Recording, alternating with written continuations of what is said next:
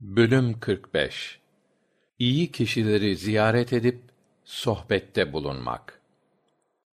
Bir vakit Musa genç arkadaşına demişti ki: Durup dinlenmeyeceğim. Ta ki iki denizin birleştiği yere kadar yola devam edeceğim. Yahut da yıllarca bu uğurda uğraşacağım.'' İki denizin kavuştuğu yere vardıkları zaman balıklarını unutmuşlardı. Balık denize atlamış, dalıp bir yol tutmuş gitmişti. Orayı geçtiklerinde Musa genç arkadaşına kuşluk yemeğimizi getir dedi. Gerçekten de şu yolculuk yordu bizi. Arkadaşı gördün mü dedi kayanın yanında oturduğumuz zaman balığı unutmuştum. Onu bana unutturan ve sana söylememe engel olan da ancak şeytandır. Tuhaf şey nasıl da yol bulup suya ulaştı. Musa buydu aradığımız işte ya dedi ve izleri üzerinde hemen geri döndüler ve orada kullarımızdan bir kul buldular ki biz katımızdan ona rahmet verip özel bilgiyle donatmıştık onu. Musa ona sana öğretilen hakiki ilimden bana öğretmek üzere senin peşinden gelebilir miyim? dedi. kehf ila ayetler ve rabbinin hoşnutluğunu umarak sabah akşam ona yalvarıp yakaranlarla birlikte sen de sabret. kehf hadis enes allah ondan razı olsun şöyle demiştir. Rasulullah sallallahu aleyhi vsellem'in vefatından sonra ebubekir ömer'e allah onlardan razı olsun. Ümmü eymen'e allah ondan razı olsun gidelim. Rasulullah'ın ziyaret ettiği gibi biz de onu ziyaret edelim dedi. İkisi beraber oraya geldiklerinde ümmü eymen ağladı. Niçin ağlıyorsun? Allah katındaki nimetin rasulullah sallallahu aleyhi vsellem için çok daha hayırlı olduğunu bilmiyor musun? dediler. Ümmü eymen de ben rasulullah vefat etti diye ağlamıyorum. Allah katındaki nimetlerin peygamber sallallahu aleyhi vsellem hakkında daha hayırlı olduğunu biliyorum. Fakat ben vahyin kesilmiş olmasından dolayı ağlıyorum deyince ebubekir ve ömer de allah onlardan razı olsun duygulandılar ve hep birlikte ağlamaya başladılar. Hadis ebu hureyre'den allah ondan razı olsun. Rasulullah sallallahu aleyhi vsellem'in şöyle buyurduğu nakledilmiştir. Adamın biri başka bir beldedeki bir din kardeşini ziyarete giderken allah bu kimseyi gözetlemek için bir meleği görevlendirmişti.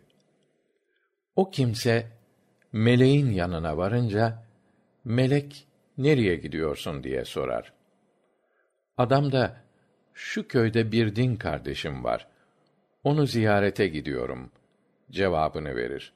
Melek o kimseden bir menfaatin var da onu devam ettirmeye mi gidiyorsun?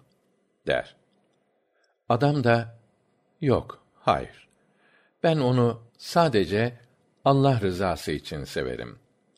Onun için de ziyaretine gidiyorum. deyince melek sen onu nasıl seviyorsan allah da seni öylece seviyor. Ben bu müjdeyi vermek için allah'ın sana gönderdiği elçisiyim dedi hadis yine ebu hureyre'den Allah ondan razı olsun rivayet edildiğine göre Rasulullah sallallahu aleyhi ve sellem şöyle buyurdu. Bir kimse bir hastayı veya Allah rızası için din kardeşini ziyaret edip halini hatırını sorarsa ona bir melek şöyle seslenir. Ne mutlu sana, ne güzel yolculuk, cennette kendine bir yer hazırladın. Hadis 364 Ebu Musa el-Eş'ari'den Allah ondan razı olsun rivayet edildiğine göre Rasulullah sallallahu aleyhi ve sellem şöyle buyurdu. Beraber olduğun iyi arkadaşla kötü arkadaşın benzeri güzel koku satanla körük çeken demirci gibidir.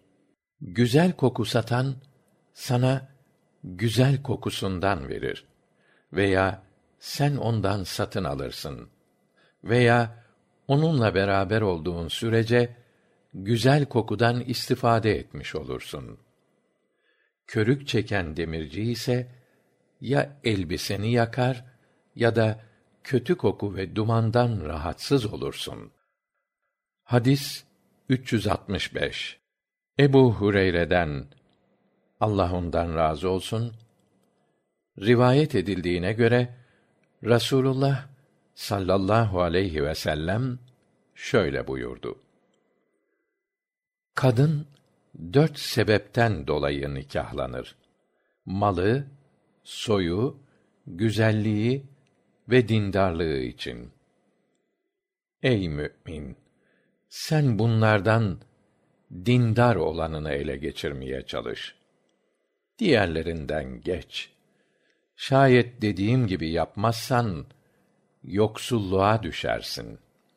Hadis 366 Abdullah İbni Abbas'tan Allah onlardan razı olsun rivayet edildiğine göre Rasulullah sallallahu aleyhi ve sellem Cebrail'e bizi daha sık ziyaret etmeni engelleyen nedir diye sordu.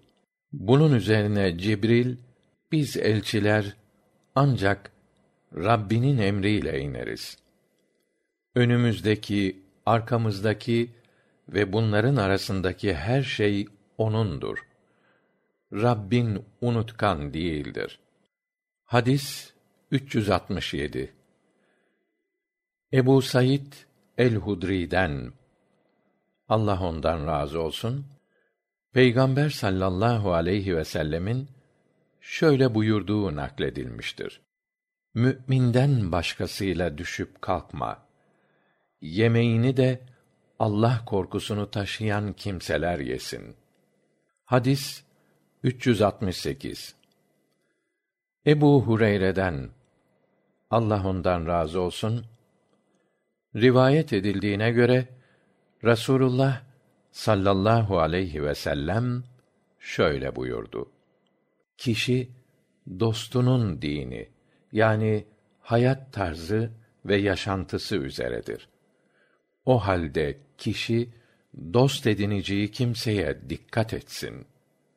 Hadis 369 Ebu Musa el-Eş'ari'den Allah ondan razı olsun rivayet edildiğine göre Rasulullah sallallahu aleyhi ve sellem şöyle buyurdu.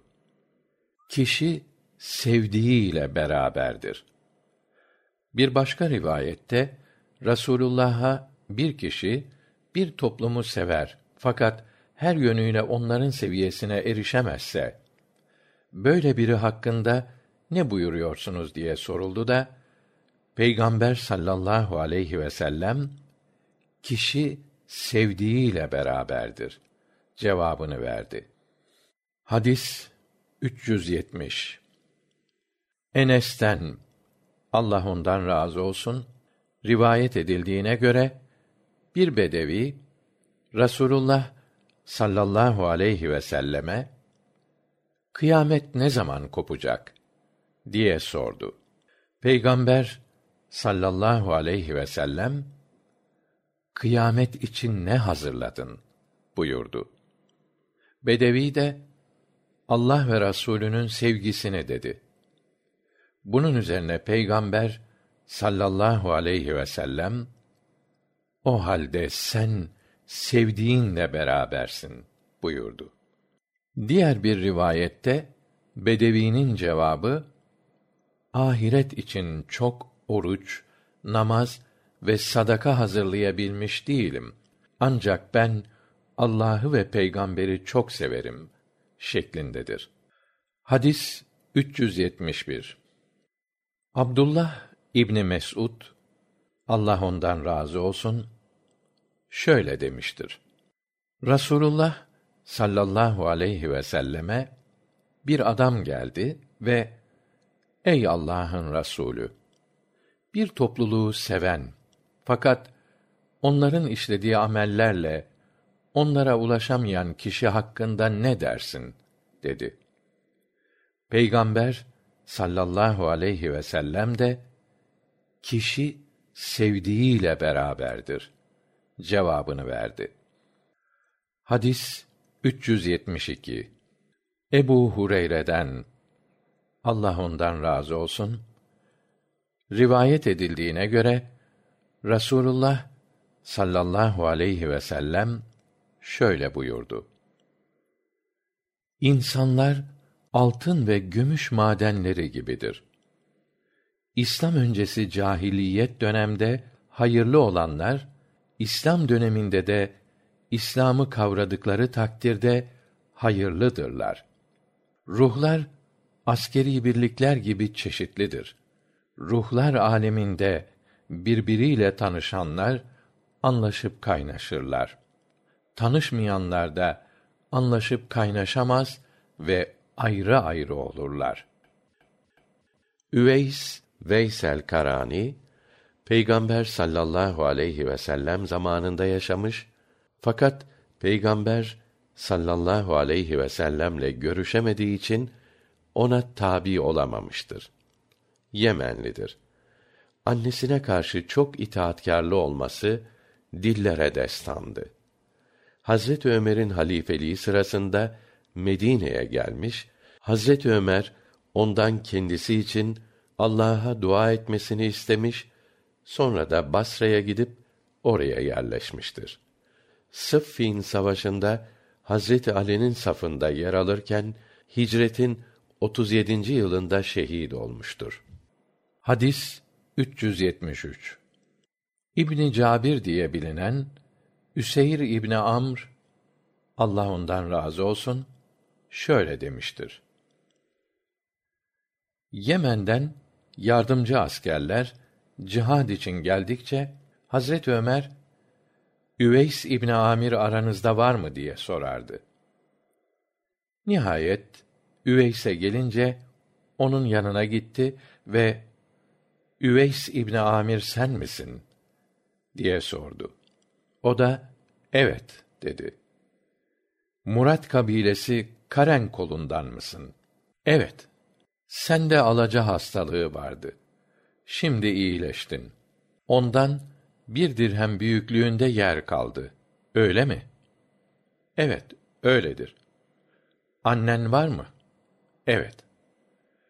Ben Rasulullah sallallahu aleyhi ve sellem'den bizzat işittim. Yemen'den destek birlikleri içinde Murat kabilesinin Karen kolundan Üveys İbni Amir isimli biri gelecektir. Alaca hastalığına tutulmuşsa da iyileşmiştir. Vücudunda iz olarak sadece bir dirhem miktarı yer kalmıştır. Onun bir annesi var. Ona çok iyi bakardı. Eğer o bir şey hususunda yemin etse Allah onun yeminini doğru çıkarır. Eğer becerebilirsen bağışlanman için yalvarıp dua etmesini iste ve yaptır. Buyururken işittim. Bundan dolayı benim bağışlanmam için dua ediver dedi. Üveys de Hazret Ömer için bağışlanma talebinde bulunup dua etti. Daha sonra Ömer nereye gitmek istiyorsun diye sordu. Üveys Küfe'ye dedi. Ömer senin için Küfe valisine bir mektup yazayım mı? dedi. O da fakir halk arasında bulunmayı daha çok severim diye cevap verdi. Aradan bir yıl geçtikten sonra Küfe ileri gelenlerinden bir kimse hacca gelmişti. Ömer'le karşılaştı. Ömer kendisine Üveys'i sordu. O da ben buraya gelirken o tam takır denecek yıkık dökük bir evde barınmaktaydı dedi. Ömer de Allah ondan razı olsun ben Rasulullah sallallahu aleyhi ve sellemi Üveys İbni Amir size Yemen destek birlikleri içinde gelecektir. Kendisi Murat kabilesi Karen kolundandır. Alaca hastalığına tutulmuşsa da iyileşmiştir. Sadece bir dirhem miktarı kadar bir yerde hastalığın izi kalmıştır. Onun bir annesi var. Ona çok iyi bakardı. Eğer o bir şey hakkında yemin etse, Allah onun yeminini yerine getirir, duasını kabul eder. Kendin için dua ve istiğfar ettirebilirsen bunu yap. Fırsatı kaçırma diye buyururken işittim dedi. O Küfeli adam da Küfe'ye dönünce Üveys'e varıp benim için mağfiret dile diye ricada bulundu. Üveys sen mübarek ve güzel bir yolculuktan yeni geldin. Benim için sen dua et dedi. Adam dua isteğinde ısrar edince sen Ömer'le mi karşılaştın dedi. Adam evet dedi. Bunun üzerine Üveys o kişi için af ve bağışlanma talebinde bulundu. Bu olay üzerine insanlar Üveys'in nasıl bir kimse olduğunu anladılar. O da orayı bırakıp gitti. Müslim'in yine Üseyr İbni Cabir'den rivayetine göre aralarında Üveys'le alay eden bir kişinin de bulunduğu Küfeli bir grup Ömer'e geldiler. Ömer, burada Karenilerden kimse var mı? diye sordu. Hemen o alaycı adam Ömer'in yanına geldi. Ömer, Allah ondan razı olsun, şöyle dedi. Şüphesiz ki Rasulullah sallallahu aleyhi ve sellem Yemen'den size Üveys adında biri gelecek. Annesinden başka kimsesi olmayan bu adam anasına hizmet için Yemen'den ayrılmıyordu. O alaca hastalığına tutulmuştu. Allah'a dua etti de dinar ve dirhem büyüklüğünde bir yer dışında Allah onu hastalığından kurtardı.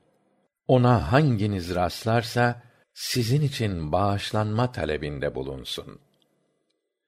Yine Müslim'in başka bir rivayetinde Hazreti Ömer'in şöyle dediği nakledilmiştir. Ben Rasulullah sallallahu aleyhi ve sellemin şöyle buyurduğunu işittim. Hiç şüphesiz tabiilerin en hayırlısı Üveys adındaki bir kimsedir. Onun bir anası vardır. Alaca hastalığı geçirmiştir. Ona uğrayınız, sizin için istiğfar etmesini isteyiniz. Hadis 374 Ömer İbnül Hattab'dan Allah ondan razı olsun şöyle dediği rivayet olunmuştur. Peygamber sallallahu aleyhi ve sellem'den umre yapmak için izin istedim. İzin verdi ve kardeşciğim bizi de duadan unutma buyurdu. Onun bu sözüne karşılık bana dünyayı verseler bu kadar sevinmezdim. Başka bir rivayette de kardeşciğim bizi de duana ortak et şeklindedir. Hadis 375 Abdullah İbni Ömer Allah onlardan razı olsun şöyle demiştir. Peygamber sallallahu aleyhi ve sellem bazen binekle bazen de yaya olarak Kuba mescidini ziyaret eder ve orada iki rekat namaz kılardı. Başka bir rivayette Peygamber sallallahu aleyhi ve sellem her cumartesi günü binekle veya yaya olarak Kuba mescidine gelirdi. İbni Ömer de böyle yapardı.